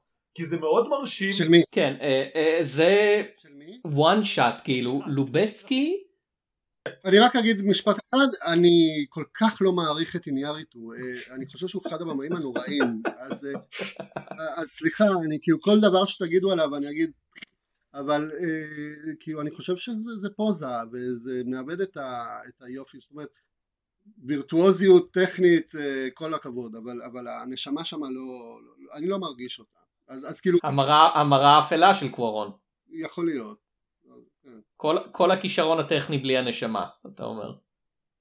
אה, או לפחות הכישרון הטכני שהוא סוחר מלובצקי. כן, לא יודע, יש לו כישרון, לא, יש לו, לא שאין לו כישרון, הוא לא יודע לביים, אבל כן, אני מרגיש שיש משהו מאוד לא, גם בזמנו את אהבה נושכת, שפחות אהבתי בזמן אמת גם, אבל, אה, אבל כן, בואו בוא, לא, אני לא, אבל כן, תדברו על העבודה של לובצקי עם, אה, אז בגלל זה רק רציתי להגיד שמבחינתי העבודה של לובצקי עם איניאריטו אה, היא מאוד שונה מהעבודה של לובצקי עם קוארון, כי, כי למרות שזה נראה מאוד דומה אה, הוא אחר לגמרי וזה קשור, קשור לנקודה הרביעית שאני ארצה לדבר עליה עוד מעט. אבל כן אז אה, וואן שוט, מה ש... להגיד על שוט הארוך. כן אני זה, זה יותר קשור למה שהם עשו ביחד ב-Children of Men כאילו השוט המפורסם הוא במכונית שכל כך כאילו אנשים לא הפסיקו לדבר עליו ואני חושב אה, ועוד פעם זה, זה שוט נהדר מסרט נהדר יש סיכוי לא רע שזה עשה נזק בלתי הפיך לאומנות הקולנוע המודרנית. מסכים, מסכים. כי כל כך הרבה אנשים מאז ניסו לעשות את זה, וזה נהיה מין כזה ה cut של ה one cut, כאילו ה cut cult של ה one cut, של כזה לא לא אנחנו נגרום לזה וכזה אוקיי אבל מה לגבי הבנה מרחבית, מה לגבי רמת הריגוש, מה לגבי אתה יודע רמת התנועה בס... לא לא לא לא חבר'ה זה cut אתם, אתם לא מבינים זה cut אחד. אני, אני זוכר במיוחד כאילו אה, אגב מישהו שמשתף אולי עם Netflix Extraction כאילו ה one cut הארוך הזה ב Extraction שבו קריס המסוורת' אה, רוצח אה, חצי מבנגלדש ו... וואו זה הסרט כל כך גזעני. אה, וכזה אוקיי אבל זה בשוט אחד זה בשוט אחד ואני כזה כן אבל הוא סתם כאילו הוא הולך ויורה ובבירור כאילו אתה יודע אוקיי יש פה איזה 20 קאטים שערכתם אותם באופן דיגיטלי ואני כזה זה, זה, אתם עשיתם את זה רק כדי לעשות את זה. ואתם עשיתם את זה כי ראיתם שמישהו אחר קיבל על זה ברכות וכל כך הרבה אנשים מאז כאילו אני מכבד נגיד את 1917 זה באמת לא הרגיש לי בשום שלב של כזה אם היה שם כמה קאטים הייתי כזה אוי לא רוח הסרט נקרא לא זה, זה סרט מלחמה על אנשים שאתה יודע הולכים ויש להם מסע אתה לא חייב שהכל יראה כמו צילום אחד זה בסדר גמור. זה, זה נהיה מעייף כאילו זה עבר ממשהו בסדר, מרגש למשהו שאנשים עד- עושים עד בכוונה לא ובכוח. את זה. עד עכשיו קוארון לא עשה דבר כזה, אז אנחנו- אבל לובצקי Gravity הרגיש לי קצת כאילו מרפרף על הנקודה הזאת. אבל לובצקי כן, ואני מסכים איתך, אני, אתה יודע, יש איזושהי הערצה של ה one shot שבאה אח- אחורה בזמן, עוד לפני הקולנוע הדיגיטלי, כן, עם השוט הפתיחה של אורסון ווילס במגע מגע של רשע. רשע כן. הקולנוע ו- של מקס אופולס, ו... אה, ו- ו- כשהם עושים כזה שוטים ארוכים ובלתי נגמרים ואתה אומר וואו איזה עי- עיני נחש שזה הדבר היחיד שאנשים לא לא זה מהסרט הזה. כן. ה nineties אבל אני מדבר על כן. אפילו אנטוניוני בנוסע עם השוט האחרון איך המצלמה עוברת דרך הסורגים ואז מגיע פינצ'ר או כל מיני או דה פלמה והם עוברים דרך חפצים דרך זה דרך מה שאתה רוצה שנכון כשהריצו את אורסון וולס שהם עשו את זה זה היה גם הערצה טכנית אבל אז איכשהו אני מרגיש שאם רצית לעשות שוט כזה זה היה כל כך קשה שהיית צריך באמת אה, זה לא נכון גם היום קשה אבל אה, איכשהו אולי הייתה צריכה לזה הצדקה להיות לזה הצדקה אה, אה, גם אה, נושאית רגשית. יש משהו מה שאתה אמרת זה הכי מהדהד לי. איפה הרגש זאת אומרת אני חושב שהשוט הזה של Children of Men בתוך המכונית הוא, הוא השוט הכי פחות טוב בסרט. יש לו שוטים כל כך הרבה יותר יפים ומבריקים אה, ו- והוא יותר עושה נזק אה, בגלל הווירטואוזיות שלו מאשר תורם אה, ל- לדבר. כי מה שיפה, וזו הנקודה הרביעית שקוורון ולובצקי מפתחים ביחד, ושוב הם לא הראשונים, טרקובסקי היה לו את זה גם, ובמקביל אה, קרלוס ריגדס עשה את זה והכל, ויש עוד מלא במאים כאלה, זה המצלמה כתודעה. המצלמה כתודעה שמצ... שמצלמת, היא לא רק מצלמת את הסרט, אתה מרגיש שהיא מגיבה, שהיא מהירה, כאילו זה דמות נוספת, או כמו שקוורון באיזשהו שלב קורא לזה כשהוא עושה את רומא, הוא קורא לזה, המצלמה היא כמו רוח רפאים מההווה שמגיעה אל העבר ומסתכלת על העבר. ו... והיא, זאת אומרת, בילדים של מחר זה מאוד בולט גם, זה, המצלמה פתאום יכולה להתנתק מהדמויות, לעזוב אותם ולצלם את הרקע ולהסתובב ואז לחזור.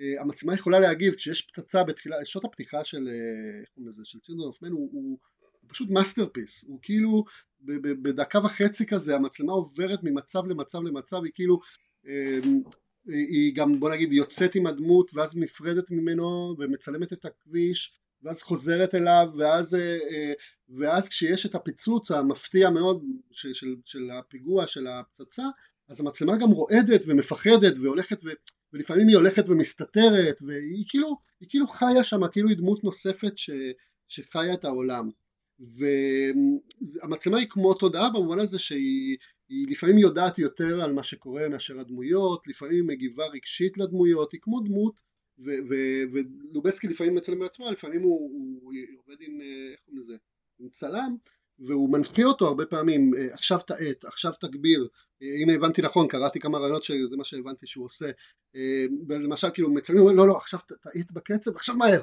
כזה, וזאת אומרת הוא כל הזמן מר, מרגיש את האופן שבו המצלמה צריכה לצלם את האירוע לא רק בגלל שדמות הולכת ממקום למקום ואז צריך אה, ללוות אותה אה, ואז אוקיי עכשיו שמאלה עכשיו ימינה ואם הולכת מהר המצלמה הולכת מהר אלא כאילו יש לה חיים משל עצמה ולא רק כדי להדגיש איזשהו רגש כמו שסקורסזה עושה נגיד שכאילו אה פול גז כזה בוא, בוא נתקרב ונעשה אלא לא ממש המצלמה כאילו אה, אגב סקורסזה עשה את זה בנהג מונית גם בשוט ה... אחד, כמה שוטים אבל אחד השוטים הבולטים זה אה, אם אתם זוכרים הרווי, אה, טרוויס ביקל מדבר בטלפון, אה, אה, איך קוראים לו, רוברט דנירו מדבר בטלפון אחרי דייט לא מוצלח, הוא מנסה לשכנע את סיביל שפרד לצאת איתו שוב, והוא מדבר מדבר ולא קורה כלום, וברור שזה לא מתקדם לשום מקום, אז המצלמה פשוט עוזבת, המצלמה עוזבת, הולכת ימינה, dolly ימינה, ומצלמת את המסדרון הריק, וכאילו מחכה שהבן אדם הזה יסיים את שיחת הטלפון ויבוא גם למסדרון.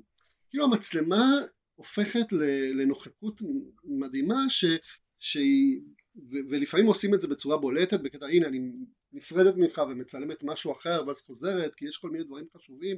לפעמים דרך זווית צילום שהיא עושה איזושהי הערה אירונית על מה שקורה וכאילו אתה מרגיש שהמצלמה גם לא רק מספרת את הסיפור אלא גם יש לה עמדה כלפי הסיפור. היא, היא, היא נמאס לה מהדמויות היא אוהבת את הדמויות, יש לה ביקורתיות כלפיהם, היא, היא, היא צינית כלפיהם, היא, כאילו פתאום אתה יכול לתת כל מיני אה, תחושות ורגשות למצלמה או מחשבות למצלמה ופוארון מפתח את זה יחד עם לובצקי ואת אימא שלך גם הם מתחילים לחקור את האופן שבו הם יכולים לעשות את זה. איך, איך המצלמה יכולה לבוא ולהגיד אוקיי אתם רואים את הרגל של אה, מריבל וירדו פה על השמשייה? אז רגע בוא המצלמה תלך אחורה ו, ותצלם קצת את הדיכוי של החקלאים ואז היא תחזור וילדים של מחר גם עושים את זה הוא נוסע באוטובוס ואז פתאום המצלמה כזה הולכת ומצלמת את כל הפליטים והמהגרים כזה שנקלעו בכלא וכו' ומראה לך משהו ואז חוזרת ואז עולה ויורדת וכאילו המצלמה בחיים שלה בעולם שלה. ו, ובאמת כאילו הרעיון הזה של תודעה נוספת או רוח רפאים ש, שמבקרת בסרט ו, ומס, ו, ו, ו, וכאילו מישהו יושב איתי ליד באולם ואומר לי תקשיב אני לא מסכים למה שקורה פה בוא, בוא תראה את זה מהזווית הזאת. אתה מבין את זה? אני, אני כאילו וואו אתה לא שם לב למה שקורה ברקע בוא אני אראה לך בשנייה אני חוזר. ו, וזו חוויה נורא מדהימה שכאילו Uh, המצלמה לא נעה בקצב של הדמויות אלא יש לה קצב משלה, קצב משתנה ומפתחים את הדבר הזה בצורה uh, נורא מעניינת. ואז כאילו כשאתה אומר um, שהוא חוזר על עצמו וכלוא בתוך עצמו אז אני חושב שככה ב... אם הוא היה עושה את כל השוטים כמו השוט הזה בתוך המכונית ב...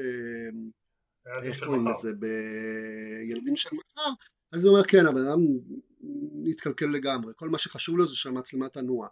אבל כשאני רואה את רומא אני חושב שזה פשוט חידוד ושיפור ו- ורובד נוסף של מורכבות של האופן שבו המצלמה מבחינתו יכולה לצלם אה, במקרה הזה אירועים היסטוריים או אירועים אישיים. ו- ו- והקשר בין חברה לבין אינדיבידואל שבין איך הסביבה משפיעה על האינדיבידואל ואיך האינדיבידואל מושפע מהסביבה או, או, מתנגד שיטה או, או לא מצליח לחיות את החיים שלו בגלל ה... ואז המצלמה אה, הולכת ומפתחת את היכולת שלה לצלם ככה בתודעה אמ, במקרה, ו, ו, ומכניסה לזה רגש ומכניסה לזה מחשבות ומכניסה לזה אה, רוחניות במובן מסוים. מה שלדעתי אולי אני צריך לראות את זה שוב אבל אז בזמנו לא קורה בסצנה הספציפית בתוך המכונית. שזה רק כזה בואו תראו איך הכדור הופך עובר מדבר לדבר איזה מגניב איזה התפעלות איזה קול זה אה, ופחות אולי, אולי לקראת הסוף זה קצת משתפר אבל לרוב כאילו פחות, אה, פחות אה, אה, מעניינת, פחות עמוקה, פחות רוחנית, פחות רגשית מכל, ה, מכל התנועות מצלמה האחרות שיש גם בסרט. בסרט. אני, אני מקווה לטובתו שהוא לא ילך פול טרקובסקי בעיקר, בעיקר כי הוא עד עכשיו די אהוב הקהל כאילו בזה ויותר כן. קרוב למישהו כמו יופי המוח שלי לא עובד עכשיו כמו קובריק שכזה נכון. עושה דברים שהם אתה יודע לא מבחינת איך הוא עושה אותם אבל כזה מישהו שהוא מאוד סרברלי ומאוד כזה נחשב איכותי אבל עדיין לא כזה מנותק לגמרי מהטעם הפופולרי כי קובריק היה במשך הרבה זמן במאי סופר פופולרי וטרקובסקי הוא מישהו שבאופן מפורסם אתה יודע שאמרו לו על סטוקר אה, הסרט צריך לעשות קצת יותר מהר כדי שהקהל יוכל להיכנס לקצב והוא אמר, לה, והוא אמר למבקרים או הצנזורים אני חושב בתגובה הסרט צריך להיות איטי יותר כדי שאנשים שזה מפריע להם יצאו לפני שהעלילה מתחילה להיות מעניינת.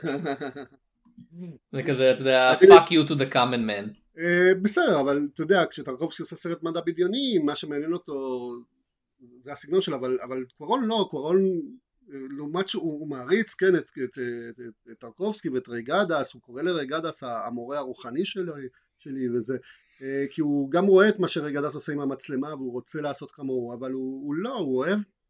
אני חושב שאין לו את הצורך ב... מקווה מאוד, כמו שאתה אומר, שאין לו את הצורך הזה בללכת פול ארט-האוס כאילו רומא זה היה הדבר הכי קרוב לדבר הזה כמובן אה, אבל אני חושב שכאילו מה שמעניין אותו זה עדיין כאילו סרטי אה, התבגרות, מדע בדיוני, כאילו זה, זה העולם שלו והוא רוצה לשלב את הדברים האלה כמו כמו עם גיירמו דל טורו שהוא עושה את זה אחרת לגמרי אבל כאילו שהם אוהבים ז'אנרים שהם אוהבים את ה... אמ, כן את הקולנוע הזה של, ש, ש, שמרגש אותם זה, זה, זה קולנוע פופולרי נקרא לזה ו, אבל קוארון באמת ולובצקי בעזרת לובצקי כי לובצקי כן הולך ועושה את הדברים היותר קיצוניים כן? אה, אבל ואז השיתוף פעולה הזה מצליח להביא לתוך הקולנוע הפופולרי את הרוח הפילוסופית הארטהאוסית, הטרקובסקית, אה, שאני לא יודע אם טרקובסקי היה מרוצה מזה, כי זה אפשר להגיד שזה השטחה של... זהו, זה תמיד פחדתי, שלהגיד שמה שלובצקי וקורון עושים זה בעצם השטחה של הסגנון האומנותי שכאילו לוקחים את הסגנון האומנותי אבל הוא, הוא מאבד מהעומק שלו כי, כי סך הכל הם עסוקים בפיו פיו כזה כן ו... אני, אני לא, אני לא, אני לא אוהב. את הטיעון הזה. ואני לא מרגיש ככה אני מרגיש ש, שהם אשכרה מצליחים לקחת את סרטי הז'אנר ולהפיח בהם איזשהו עומק מדהים ואיזושהי רוחניות מדהימה ואיזשהו כבוד נורא גדול לסביבה החברתית והפוליטית ו- ולעומק הרגשי של הדמויות ו- והכל בזכות בין היתר בזכות האופן שבו הם, הם פיתחו את הסגנון המאוד מסוים שלהם. עכשיו אני חושב שזו נקודת השוואה טובה לדל טורו כי כן. הם כן מנסים כמו שאמרת קצת לנפח את הסגנון מבחינה אינטלקטואלית רגשית ולהגיד אנחנו רוצים שזה יהיה משהו אקסטרה ודל טורו זה מישהו שבא ואומר לא זה כבר שם כאילו אני לא צריך לשפצר את הז'אנר הזה אני לא צריך להוסיף משהו כדי שתאמינו שזה מבחינתי זו כבר אינהרנטית אומנות ולעומת זאת דרקובסקי אתה יודע לוקח את השלט של הספרי מדע בדיוני שהוא עשה את השניים. את אה, סטוקר ואת כן וכזה מנסה כמה שיותר כאילו לנסר החוצה כל דבר שזה לא הרוחניות שהוא בונה לתוך הסיפור והוא כזה אומר לקחתי את השלט הזה שלכם מה שאני אבנה מעליו לא קשור למה שאתם עושים ותכלס מה שאתם עושים מה שעשיתם כן האחים סטרוגסקי לא כזה מעניין אותי כאילו אתם אתם מבחינתי ח- די חסרי ערך. כן כן וקברון איפשהו באמצע כזה על הדל טורו ל- לטרקובסקי אה, ציר כזה. כן, דל טורו גם הולך יותר לכיוונים טראשיים, מה שנקרא, ז'אנרים בי מוביס ו... וקוורון אולי, כן, הוא, כן, שואב יותר מהארט-האוס, זה נכון. אה, ולובצקי מוצא את עצמו, בגלל זה הוא כאילו, וזה זה הייחודיות בסופו של דבר בסוף של לובצקי בהוליווד. כי אני לא יודע, לא ראיתי את בבילון. אמסטרדם, אמסטרדם, נכון, לא בבילון. הוא צילם את זה עכשיו ל... כן, סרטים אה, עם שמות של ערים זה עכשיו הדבר. גם את זה לא ראיתי וגם את זה לא ראיתי, בסדר. אבל לא יודע, אני, אני לא בטוח שעם במאים אחרים יכול להוציא את אותה התוצאה, כי יש משהו בראש של קוארון ולובצקי שהוא, שהוא מאוד מסונכרן בקטע הזה. אבל אני כן חושב שבגלל זה הוא יכול להיות במאי הוליוודי, אה, צלם, סליחה, אה, לובצקי, צלם הוליוודי כל כך ייחודי אה, ושונה, כי כמו, איך קוראים לו, כמו רוג'ר דיקנס במובן מסוים, הם יכולים לובצקי יכול לקחת את הדברים האלה של, של הז'אנר ואיכשהו להוסיף להם עוד איזשהו רובד. השאלה אם הוא עובד עם במאי מספיק חכם שידע איך, אה, איך לנצל את היכולות האלה שלו. זה- אני, אני שואל את עצמי אם, הכישלונות הם, אתה יודע, בוא נגיד טרנס מליק לוקח אותו יותר מדי ארט-האוס לכיוון הזה ואחרים יקחו אותו יותר מדי להוליווד ו, ונראה לי האיזון הוא, הוא, הוא, הוא כן, האיזון הזה הוא, הוא מה שכל כך מופלא בעבודה שלו עם, עם קורון, ובטח בסרט כמו שהגדרנו ואת אמא שלך גם, שנראה, כמו שאמרתי, במבט ראשון קומדיית התבגרות על חרמנים, ואז פתאום וואו, יש את כל הרובד, רובדים, רבדים ועוד רבדים ועוד רבדים, בעיקר בזכות המצלמה שמשוטטת, הווייט סקרין, כל הדברים האלה, כן. כן, הוא נהיה לובצקי, לא בעקבות הסרט הזה, אבל זה התחלה של הדרך שתהפוך אותו אה, בצד הפחות מעניין של הקריירה שלו לקו לבמאים שלא כאלה טובים, שהם כזה, טוב, אבל, אבל יש לי את לובצקי. כאילו, אתה יודע, האיש, האיש שנולד מחדש, זה סרט שאני נהנה ממנו בתור, אתה יודע, כזה מותחן, מרדפים, הרפתקאות, דברים, כאילו, כל צלם אחר, היית שם את זה עליו ואף אחד לא היה יורק לכיוון שלו מבחינת, אתה יודע, כל האוסקרים והפרסים הגדולים, אבל פשוט ברגע שהבאת את לובצקי שיצלם את זה, כמו שהוא צילם את זה פתאום כזה, כולם שמים לב, כן? בגלל שזה הוא. לא, ניסיתי לחשוב על סטוררו גם פתאום, ההבדל בין העבודות שלו עם ברטולוצ'י לבין העבודות שלו עם, אה. ועם קופולה, אבל... יונתן, אתה כן ראית אני ראיתי את אמסטרדם, נכון? אתה כן, היחידי נראה לי? שאני היחידי אה, לבינתיים. לא לא תאיר כן, את כן. הסרט, רק אה. כי- זה סרט מאוד מוזר אה, בהרבה כיוונים זה סרט שהוא בבירור רוצה להיות קומדיה אבל משהו בו לא עד הסוף מצליח. אה, ה- כאילו ההופעות הן נורא קומיות משהו בתסריט לכאורה מאוד מאוד אה, מלווה את עצמו לבדיחות וצחוקים ושטויות אבל יש איזשהו משהו שבכל רגע כאילו משהו בבדיחות לא לחלוטין נוחת.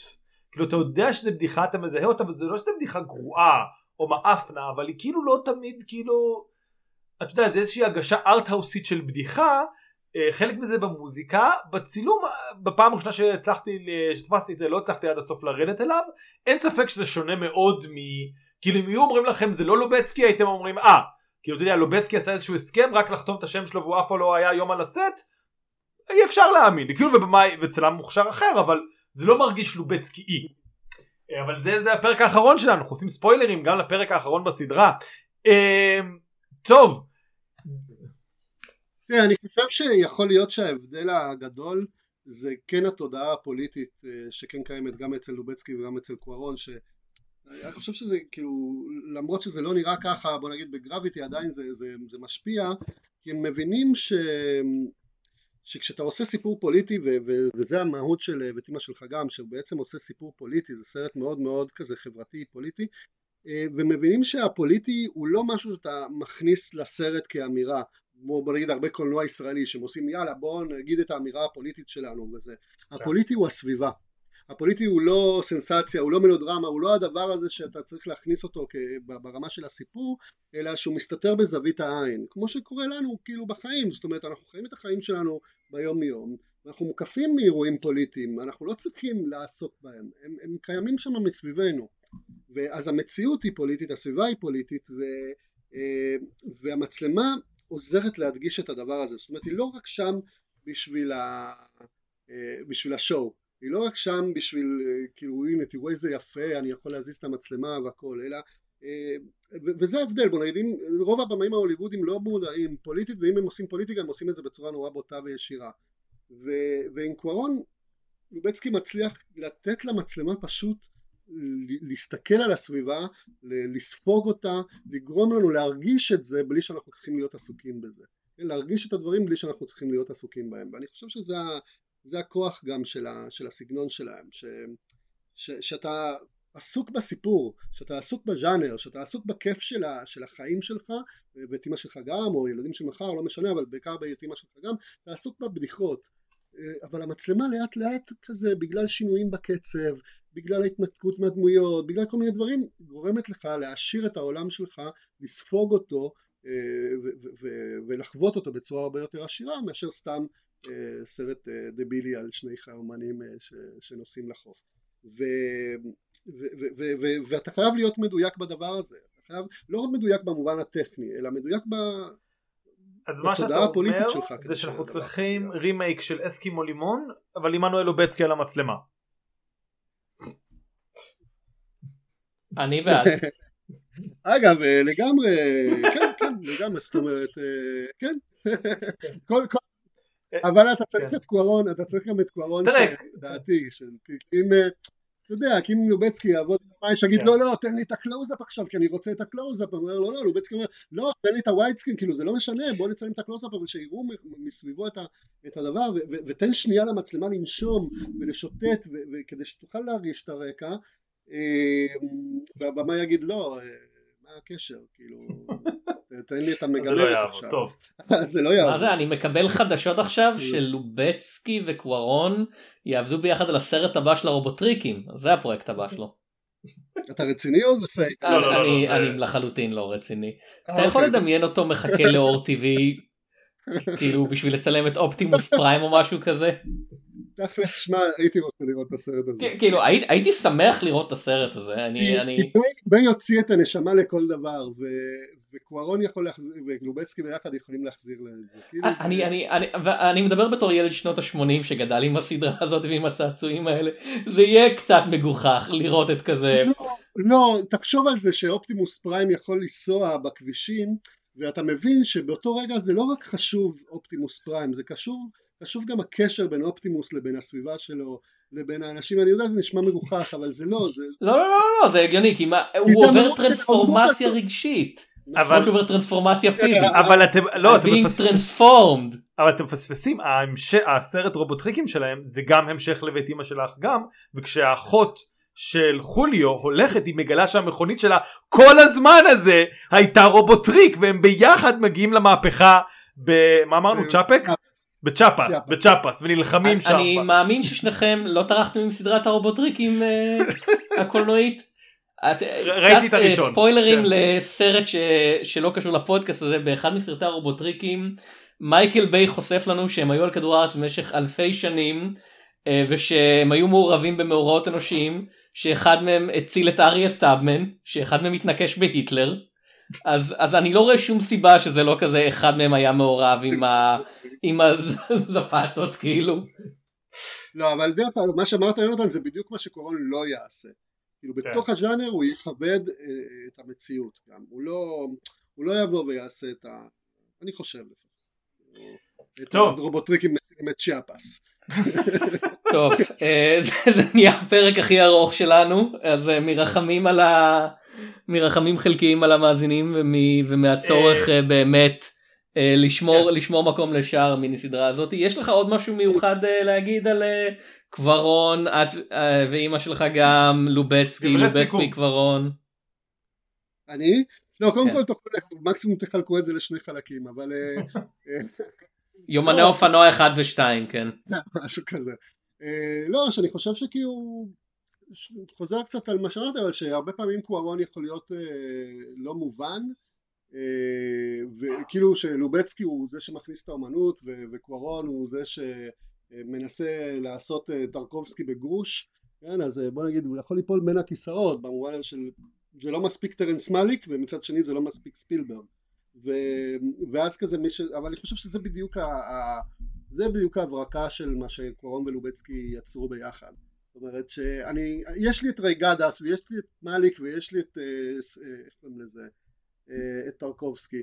אני לא, אה, אני לא צריך אותם, כאילו אני אשמח ואני אראה את הסרטים שלהם, אבל קורון מנסה לשלב את הדברים האלה ביחד עם, עם העבודה של לובצקי ו, וכן להביא גם את הרוחני והפילוסופי והארטהאוסי אל תוך עולם של, אה, אה, של ז'אנר ואני מקווה שהוא ימשיך בדרך הזאת כי, כי, כי אני ושהוא לא ייכנע כי יש הרבה פעמים בתור אה, במאים ואני חושב.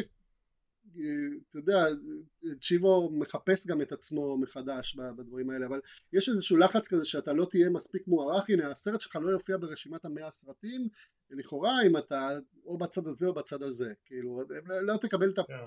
למרות שאתה יודע, אין לו מה להתלונן, הוא קיבל לאוסקרים והכל, אבל כאילו אם הוא רוצה לזכות בכאן, הוא כאילו צריך ללכת יותר לכיוון רומא ופחות לכיוון, אה, אה, איך קוראים לזה, אה, Children of Men.